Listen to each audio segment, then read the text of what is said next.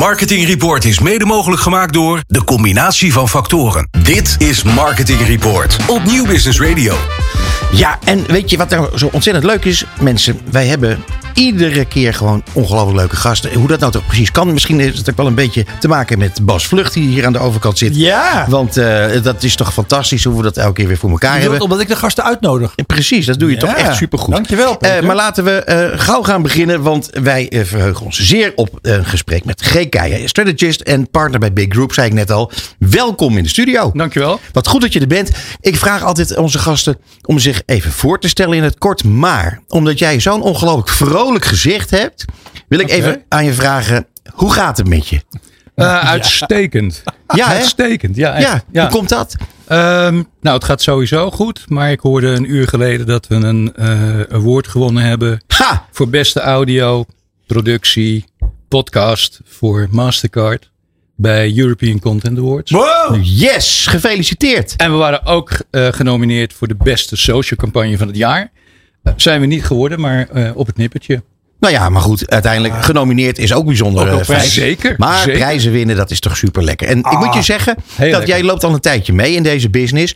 Maar ehm, het is niet zo dat het went, hè, prijzen winnen. Nee, het went nooit. Nee. Hey, G, mag ik er meteen iets vragen? Ja. Eh, je hebt ook wel eerder iets gewonnen. Betekent dat dan dat er morgen dan echt bijvoorbeeld partijen gaan bellen van... oh, we doen een pitch, doe je mee of zo? Of eh, kom ik ietsje langs? Of werkt het echt zo? Nou, meestal werkt het niet zo. Oh. Ehm, maar waar het wel mee helpt, is als je in een pitch zit of je wordt uitgenodigd, eh, dat ze in ieder geval bewijs hebben dat je niet verzint dat het werk goed is, maar dat anderen, eh, juries, ook besloten hebben dat het goed is. En Ja. natuurlijk zijn vaak effectiviteitsprijzen die door klanten worden beloond. Die worden soms wat meer gewaardeerd. En mensen die je aanneemt, talent dat je zoekt, ja, die vallen meer op eh, pure creativiteitsprijzen. Nou, Ja, en de voortvarendheid waarmee Bas hier opeens tekeer ging hier op de radio, dames en heren, heeft ervoor gezorgd dat eigenlijk de initiële vraag niet gesteld is. Want namelijk, G, wil je er zelf nog even aan ons en de luisteraars voorstellen? Ja, dat is goed. Mijn voornaam is eh, G, achternaam is Kei en het bedrijf heet Big Group in Amsterdam. En dat is, zoals het al zegt, eh, een groep. Want we hebben ook eh, agencies, eh, kantoren in Bath en in Londen. Ja, in eh, Zuid-Engeland, Bath. Zuid-Engeland, Ja. Bath. Ja. Leuk zeg. Ehm, en dan hebben jullie een eh, toch wel bijzonder bureau. Ik wil het heel graag met je hebben over everyone who works at Big Group is a partner. Dat heb ik zien staan op jullie website. En ehm, ja, dat is dus de, de, de Employee Ownership Trust. ja. Dat vind ik een goed verhaal en daar wil ik graag alles over horen. Als het mag, als je erover wil vertellen. Eh, ja, daar kan ik je wel iets over vertellen. Ehm, het bedrijf Big is pakweg 25 jaar geleden opgericht door Nick en Ed in Londen. Die hebben Big eh, opgebouwd tot wat het is daar. Ehm, uiteindelijk hebben wij vijf jaar geleden ehm, ben ik erbij gekomen. Mhm. En dat was een ander bureau wat overgenomen is door Big. Dus we hebben Big Amsterdam opgezet. En uiteindelijk is in overleg besloten dat eh, alle aandelen van Nick en Ed, 80%, 20% volgt nog, die gaan in een trust. En dat is een employee-owned trust. En dat zorgt ervoor dat iedereen die bij Big werkt, of die nog komt werken, aandeelhouder is. Nou, Gelijk, gelijk verdeeld. Dus iedereen is aandeelhouder. ja. Eh, die aandelen zitten in de trust. Er is in de trust een board. Zoals je dat altijd hebt met Ja. aandeelhouders. Die, dat zijn mensen die gewoon bij BIC eh, werken. Mhm. Ehm, en het management blijft gewoon het management. Ja. De salarissen blijven gewoon de salarissen. Het is nog steeds zo dat iemand in een bepaalde positie meer verdient dan een ander. Tuurlijk. Ehm, maar de, uiteindelijk, zeg maar, de langetermijnvisie en de langetermijn investeringen. Gaan we meer investeren in, eh, ik noem maar iets, in eh, eh, artificial intelligence. Mhm. Willen we dat? Dat ligt bij de, eh, bij de trust. Ja. Iedereen is eigenaar.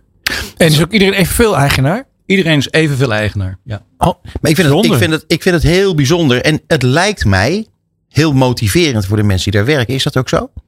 Dat is ook zo. Voor ons is het eh, eh, nieuw. Het is voor die mensen ook nieuw. Dus het is allemaal een beetje wennen. Eh, Want sinds wanneer is dit?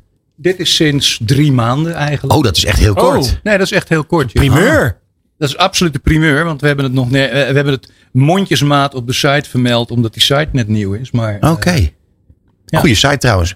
Met, met al die rare pop-ups. Heel leuk. Maar goed, dat even terzijde. Mag Ehm, ik wil ik ook iets vragen? Ja. Even tussendoor.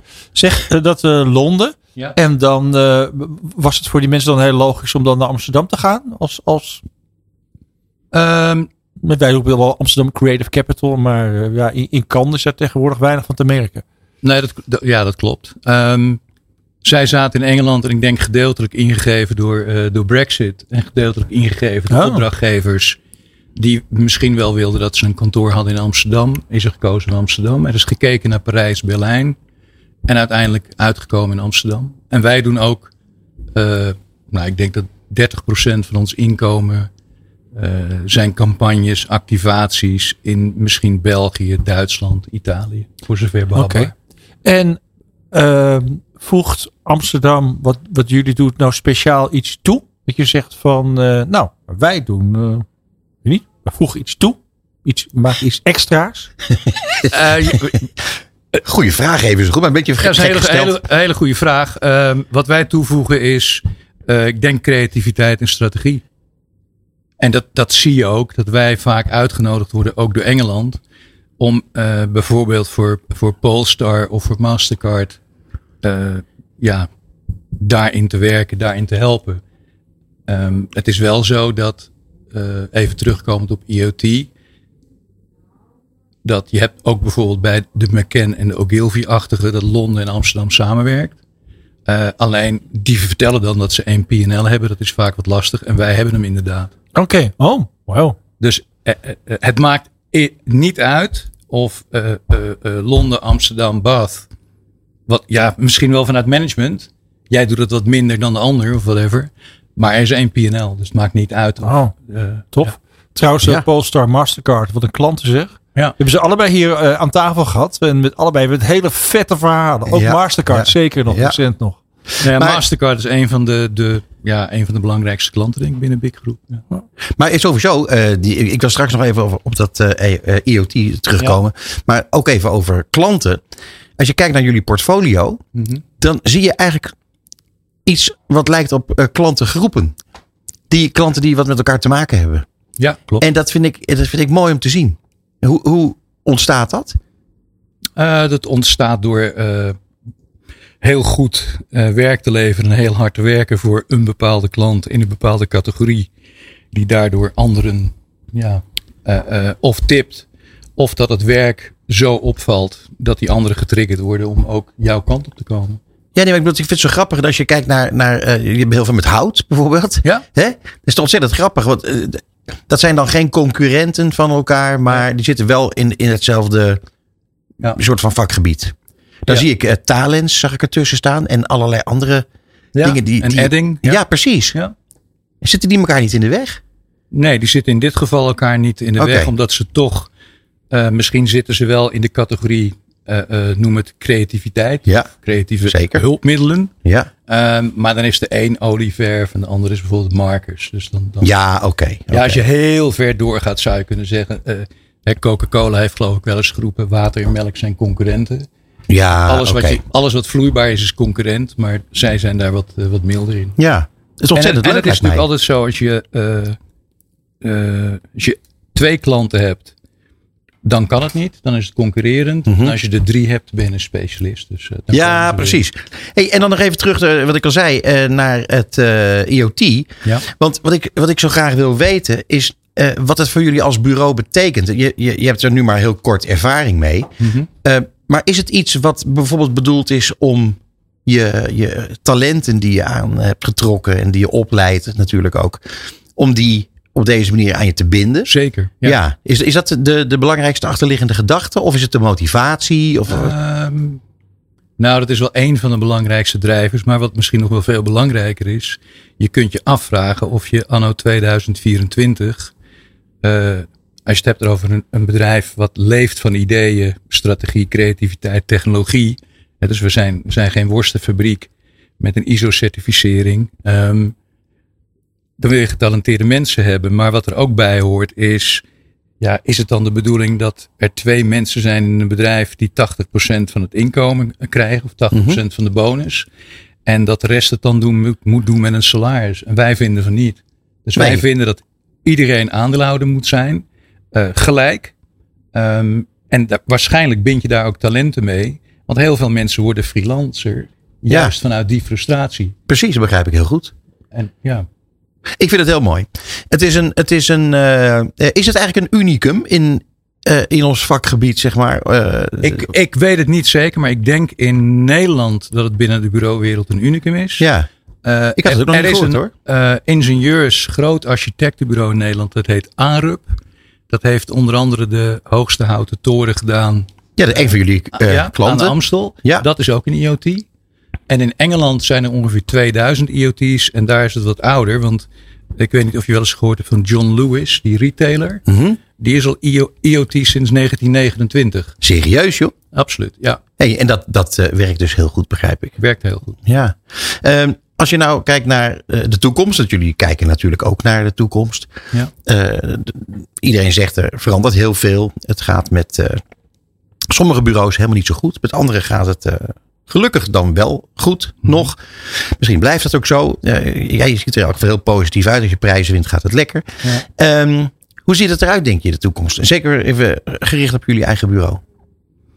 Ehm, nou, als ik nu voor mezelf eh, praat, f- 1 maart verhuizen we naar een pand wat drie keer zo groot is op dat Minel de Ruitenkade. Ehm, dus we hebben in ieder geval genoeg zicht op inkomen en opdrachten om die stap te durven nemen. Ja, Ehm, dan moet je weer afwachten wat je in 2025 gaat doen. Ehm, ooit vertelde iemand me, ieder bureau is ongeveer drie opzeggingen van zijn faillissement vandaan. Eh, er zijn namelijk bureaus die hebben in één jaar een bank verloren, een auto-account. En daar kunnen Ja. ze helemaal niets, eh, niets aan doen. Ik denk alleen wel dat het heel erg zaak wordt om te kijken waar je, waar je op richt. En dan kun je het hebben over, ja, maar personalisering en marketing automation en whatever eh, de trends zijn. Wat gewoon spik en span klaar is, Mhm. is dat artificial intelligence, AI, gaat alle productie, alle copy overnemen. Dan kan je wel tegenstribbelen met, ja, maar ik mis het menselijke, dat is ook zo. Maar als je als bureau geen toegevoegde waarde levert op strategie en ideeën, en je denkt van, nou ja, ik, dat, dat, dat, dat, dat, dat doe ik maar een beetje, maar ik ga de productie in. Mhm. Ik denk dat die bureaus reddeloos verloren zijn. ja. Want dat kunnen opdrachtgevers zelf wel. Eh, of er komen partijen die dat zo goed gespecialiseerd doen. Ja, dat je daar ook niet bij blijft. Dus ik denk, ja, je moet, je zal toch iedere keer omhoog moeten in je kwaliteit van strategieën en, eh, en ideeën. G, het zit er alweer op. En eh, ik had nog heel lang met je door willen praten. En Bas die wilde nog twintig vragen stellen. ik ook. ben Bas kwam er niet ik, tussen, Ik, moet je zeggen, ik ben echt heel blij dat ik dit nu zeg. Want Bas die stelt altijd de vraag op het laatste moment. Van die, eh, de vraag zelf duurt dan al twee minuten. Ehm, en eh, ik wil je ontzettend bedanken voor dit gesprek. Ik wil heel graag dat je belooft dat je ons gaat vertellen over enige tijd. Hoe het allemaal is uitgepakt met het IoT-verhaal. Ja, want dat vind ik echt super interessant. Heel veel succes daarbij en heel graag tot binnenkort. Ja, dank jullie wel. Dit is Marketing Report. Met Peter Wiebinga en Bas Vlucht.